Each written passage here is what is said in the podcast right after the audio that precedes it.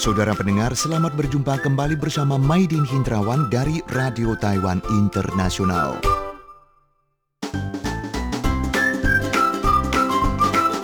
Sekarang Maidin mengajak Anda bersantai, rileks, sama-sama mengikuti acara Dongeng Si Udin.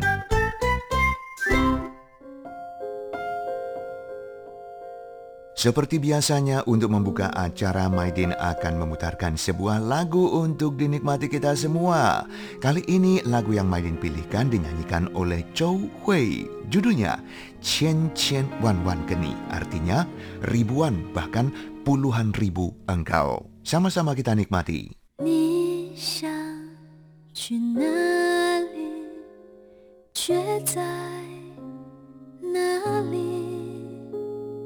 想和谁同行，为何迟疑？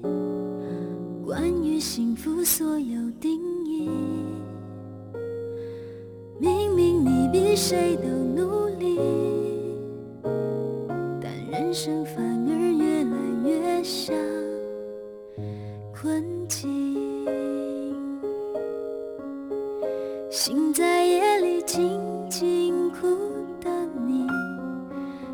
叫风声远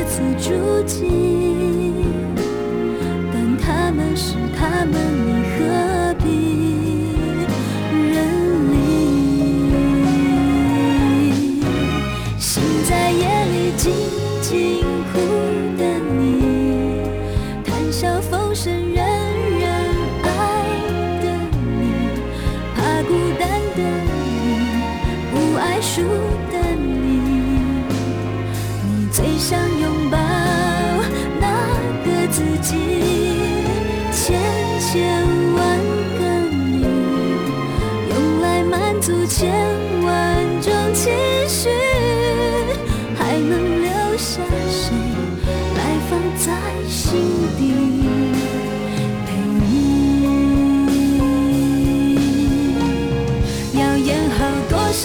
身份，多少个角色，人生才能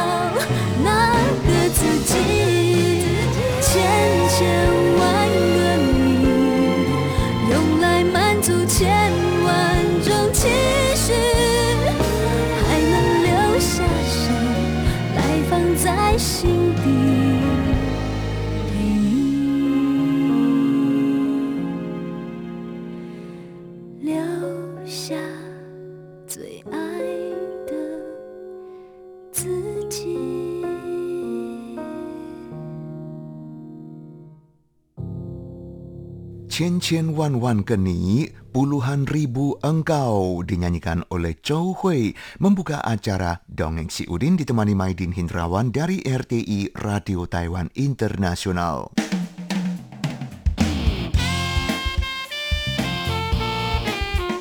Taiwan di telinga dunia.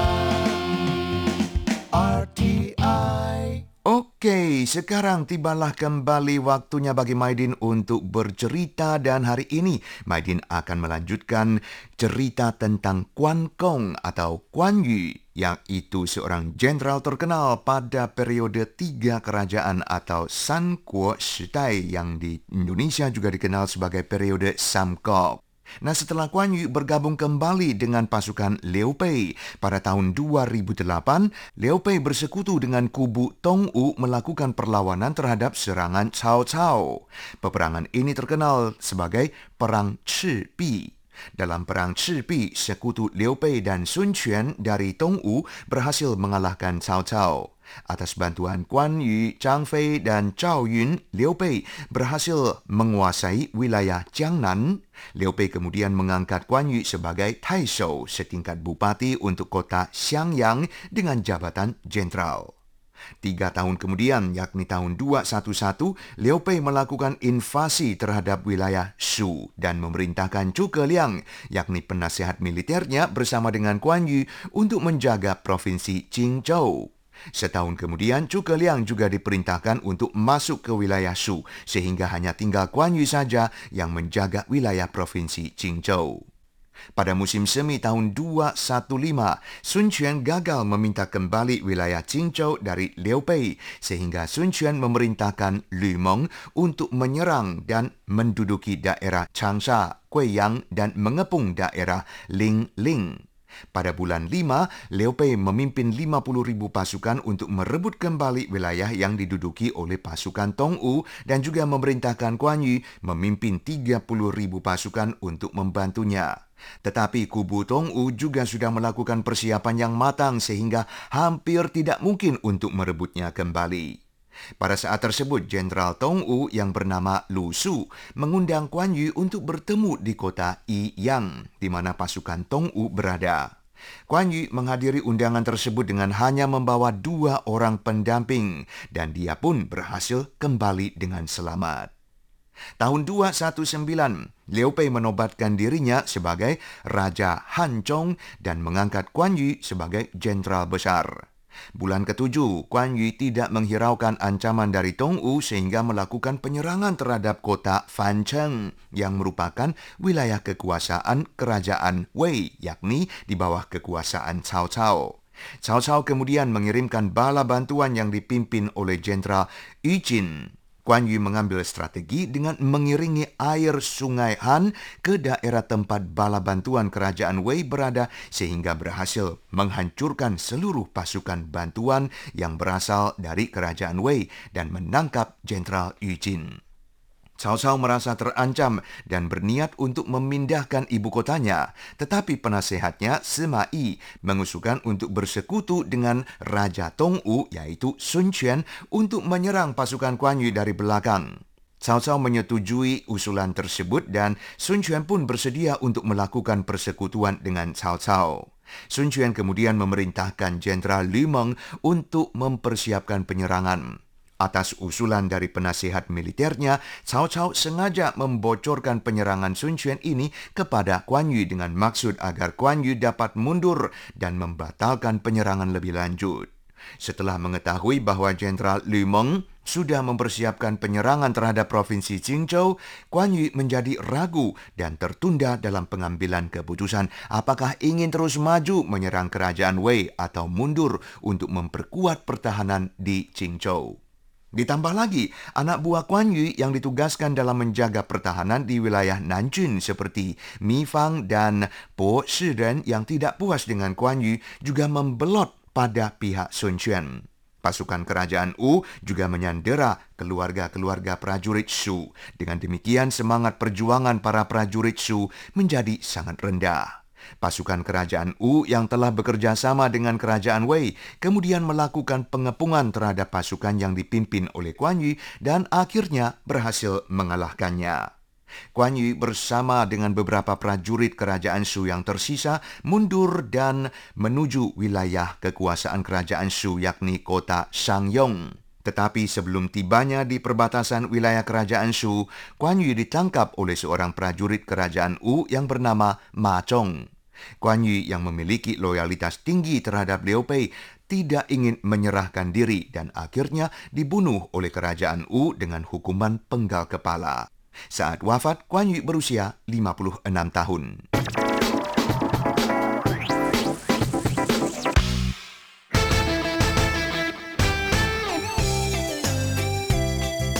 Pendengar sekalian demikianlah cerita bagian kedua mengenai Kuan Yu, seorang jenderal paling terkenal dari periode Tiga Kerajaan atau Samkok. Dan sekarang tibalah saatnya bagi Maidin untuk mengakhiri acara dengan memutarkan sebuah lagu lagi.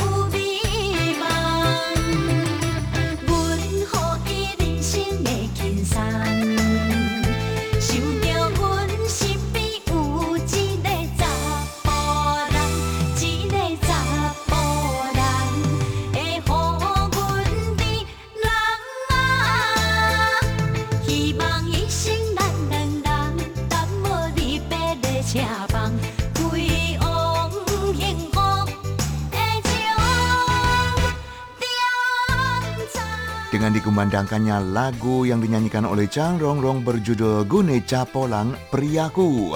Tibalah saatnya bagi Maidin Hindrawan untuk mengakhiri acara Dongeng Si Udin. Sampai jumpa.